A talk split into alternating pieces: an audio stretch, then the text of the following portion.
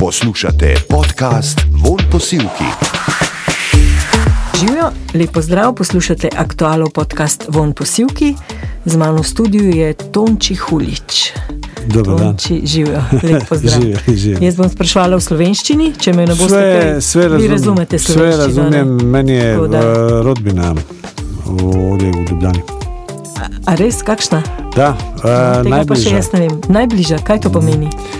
Ok, od uh, sada već pokojena kao što je moj otac, uh, Mhm. uh, sestra od mog tate, dakle prvi rođaci su tu još. Živijo, Milče i sine, da, da. živijo v Sloveniji, a res? Da, da, u Ljubljani, da. V Ljubljani. O, I, aha. I njihova djeca već, a čini mi se i njihovi unuci.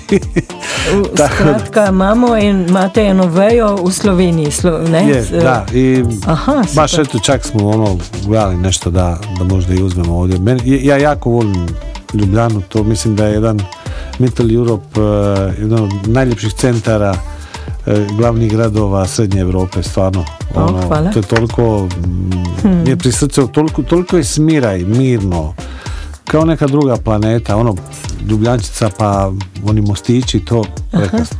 Prijatelj mi ima tamo stan, Ja? pa sam evo rekao, kad ti uleti nešto ovako kao ovaj stan, zovi me, uzet ću. A res, da bi kupil stanovanje v Ljubljani, da bi ga imel? Bi, da. Bi, aha, no. Pa gledajte, ja, m, mi vrlo dinamično živimo kao obitelj. Ovaj. Zapravo smo stacionirani u Splitu, a e, pokušavamo veći dio godine živjeti u Splitu. U šestom mjesecu se preselimo pa živimo u kući koja nam je na plaži, 30 km od Splita. U Zagrebu imamo te uglavnom, uglavnom e, kada idem negdje na put onda tu imam nešto gdje, gdje da budem. Tu imam dosta prijatelja. Eto, jedan je i Kum, Grašin, Tomaš Kavić, tako da Dvora Zemono, tako da tu smo vrlo često. I eto, tako da Točno. nema razloga da nemam nešto i ovo. Koliko pa je članov vaše družine? A, pod družinom mislite obitelji Ja. ili... e, Ja, a gledajte, e, ja sam dakle, a sad nas je, e, trenutno nas je pet. Obit- No. Ja, Vjekoslava, Ivan, Hana, oni su svi u muzici. I Petar, je Grašo i sad čekamo malu albu i ona će uskoro doći za nekih mjesec i po dana, ako Bog da a že i mesec, čez to. in pol. Da. super, super. Ste ji napisal pesem, ne, sem slišala. Pa e, da, ja sam spot e, posvetio njoj, a zapravo je b- pjesma, m, univerzalna pjesma o ljubavi muškarca i, i žene. I o prolaznosti svega, kako uvijek treba jednostavno živjeti i ljubiti. Jel? I kad sam trebao raditi spot, onda mi je bilo malo bez veze da ja sad u ovim godinama m, e, glumim nekog zavodnika, svi znaju da sam obiteljski čovjek i to. Rekao, znam kako ta žena će u stvari biti naša unuka. I spot počinje sada 2022. a završava 2047. Ne znam kad unuka ima 25 godina. ja 87. Um, a ma- imate mu vse, mogoče ne številka, ampak vseeno, koliko pesmi ste v življenju napisal? To je bilo za Jeleno Rozgo, za Danielo, za Petra Graša, nekaj tudi za Oliverja Dragojeviča, pa za vašo skupino, pa za magazin, pa za, za koga še, koliko se. Jole, Stavros, Minea, No. i sada od novih e, koje znate ovdje, Domenika, Lorena, to su sve moje, oni svi su Ja, izdavali za, ja. izdaju za Toniku, za moju izdavačku kuću, ali ja sam se sad okrenuo najviše, taj, taj prostor sužavan, mada kad god čujem neku dobru pop pjesmu, poželim opet napisati pop pjesmu. Tako da, dokle god me to drži, onda ću to raditi. Ali sam sada puno više usmjeren i uh, ovo takozvanoj ozbiljnijoj muzici, crossoveru. I povod mog gostovanja tu je e, Mediteran u centru Zemone, u, u centru e, Ljubljane. Ljubljane. Da. Ja, z, ja. Emone, emone. Emone, ja sam ono Zemonu, Ja, ja, ja, ja, Bože, ja, gdje sam falio, ono, dodao sam se. Ovaj, e, o čemu se radi tu? Tu je, e, bit će izveden jedan program e, koji je crossover, kojim se ja bavim 20 i nešto godina. Dakle, krenuo sam sa e, gudačim kvartetom Bond, nastavio sa Maksimom Mrvicom, pa poslije sa ruskom violinskinjom Ksenijom. Pa sam probao i sa pra pra unukom Paganinija, Soskija Paganini, ali smo tu imali problem, nisam ja imao problem, nego su izdava, Universal imao problem sa njim, a i druge izvođačke kuće, tako valjda je umjetnik na pra, pra, pra, pradjeda, ne znam Mhm. ja. Kakšne probleme pa so imeli? Pa tako malo ekscentričan, pa je Ok. težak za dogovor i rad. Aha, aha, aha. Ne, ne Ajmo to tako ga. Ja, ja, ja, ok. I ovaj, mm, gledajte, u Engleskoj čak izdana knjiga o meni, temeljem tih nekih pjesama koje sam ja pisao, pa su napravili jedan fictionary eh, temeljem eh, moje, based on my true life story, napravljena je jedan fictionary i, i izmišljena priča temeljena na, na mom životu.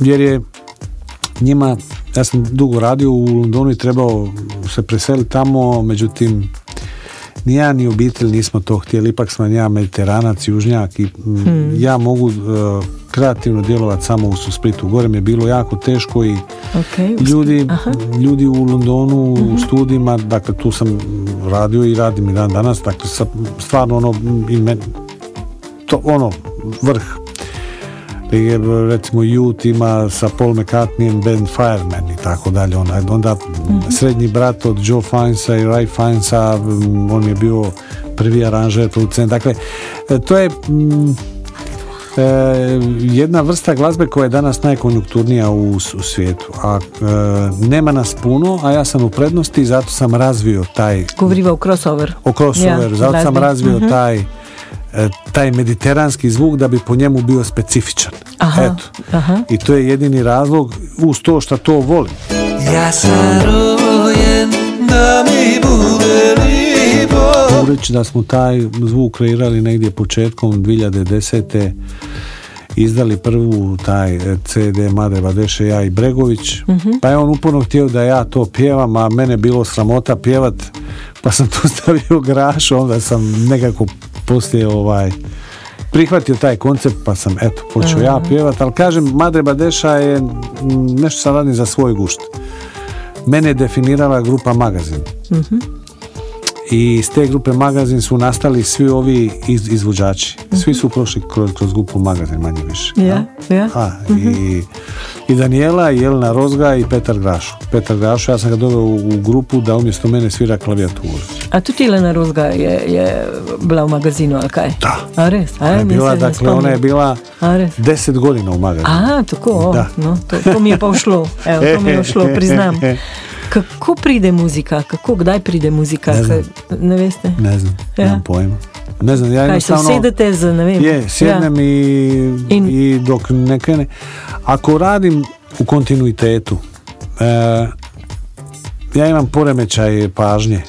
E, Ok. i Kaj, ne morate biti dolgo hiperaktiv- skoncentrirani? Tako Aha, ja, ok. I imam hiperaktivnost. I Dobro. iz te hiperaktivnosti izlazi poremećaj pažnje. Ok, Jer ne mogu se koncentrirati samo na jednu stvar. Ja zato onda moram raditi paralelno na, na više pjesama i moraju biti različiti stilovi. a res. Zato je to toliko izvođača, zato sam ja toliko pjesama napisao i zato Dobra napaka, ne? Dobra, dobar ta poremećaj, ne? Da, da, da, da, imam sve poremećaje koje jedan dobar e, kompozitor e, Super. mora imati. Ne možeš biti normalan i biti kompozitor. Sve me pune glavu, a ja sam u pravu Možeš, ali si onda Ja, ja. osrednji. Uh, poprečen. On poprečan, Ja, ja, ja, prosječan, ja. da, Ja, ja, da, ja, ja. da, da. A. Več, več uh, muzik hkrati, več skladb hkrati in različni stili, da so. ne? Tako je, Ja. tako. I da su različiti pjevači, da. Ne, I to ono paralelno radim. I onda strašno puno vremena gubimo radeći tekstove. Danas su tekstovi najbitniji u toj pop muzici, onda me to već malo zamara. Ok. Jer morate znati kojoj se publici obraćate. Sa druge strane, Mm. no, taj jedan drugi poremećaj da u Hrvatskoj e, najbolje pro- prolazi e, e, srpski trep. E, Srpska trep glazba.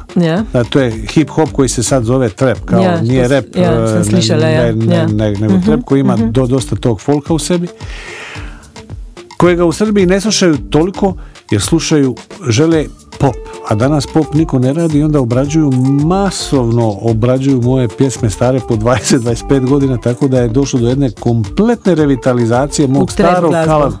Ne, ne, Ne. nego baš prepjevavaju Aha, prepjevaju srpski izvođači, e, prepjevavaju e, moje pjesme koje čak ok, e, na primjer rano od mine to nema, to, to, to nema zabave bez te pjesme. Nema, nema veze ko- kolika si zvijezda u Srbiji, moraš pjevati tu pjesmu. Ili Dani su bez broja, što je Jelena pjevala u magazinu.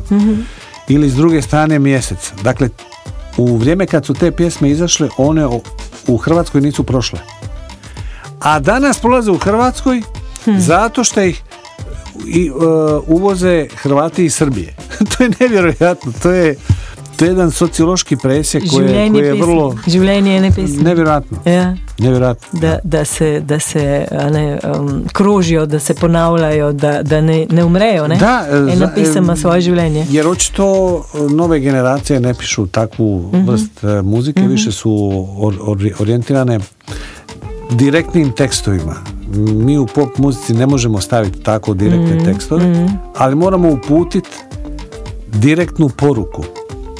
Poruka mora biti isto tako direktna, ali mora biti kazana umjerenijim riječima Mhm. nego ono što se u srpskom trepu može kazati vrlo, vrlo direktno i eksplicitno.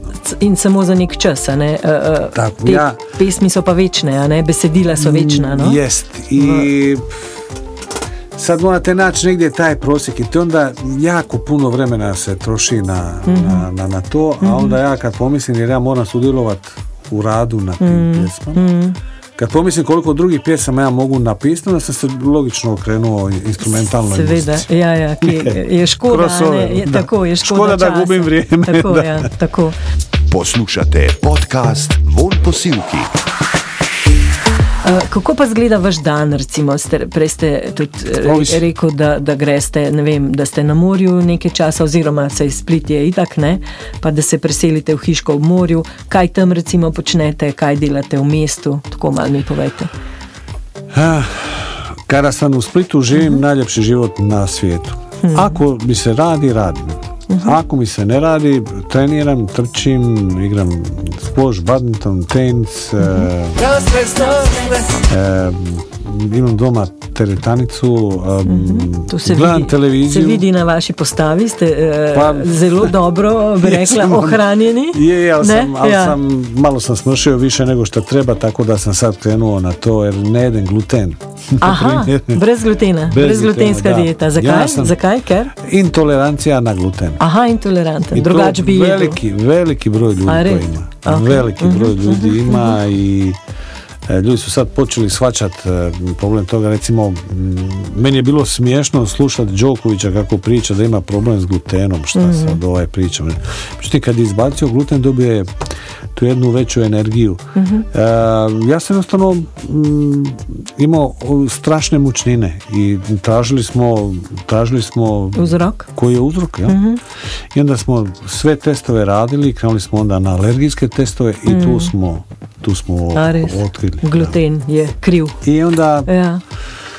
uh, sam, boga mi jedno između 8 i 10 kila sam potpuno neosjetno kroz godine ovaj, skinuo, ali mm, gledam da ne, da, da ne izgubim baš ono mišićnu masu. ali Ako previše trenirate, onda se ocijedite u licu, pa dobijete... bo- Tako da treba biti umjeren u svemu. Aha.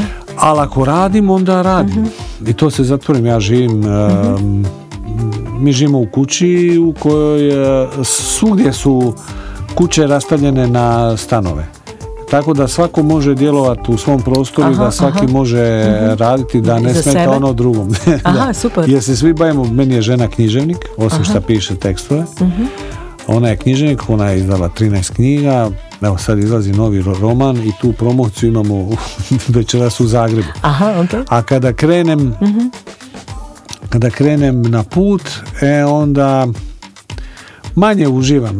Ja znam da je ovo dio posla, ali ovo je dio posla u kojem ne uživaš. Daješ intervjue, digneš se u pet, u Ljubljani moraš biti u 8, u Zagrebu moraš biti u 5, opet popodne, u 8 sati moram biti na toj jednoj predstavlji, jedan list, večernji list koji izdaje tu e, knjigu, tako da Ja, ja.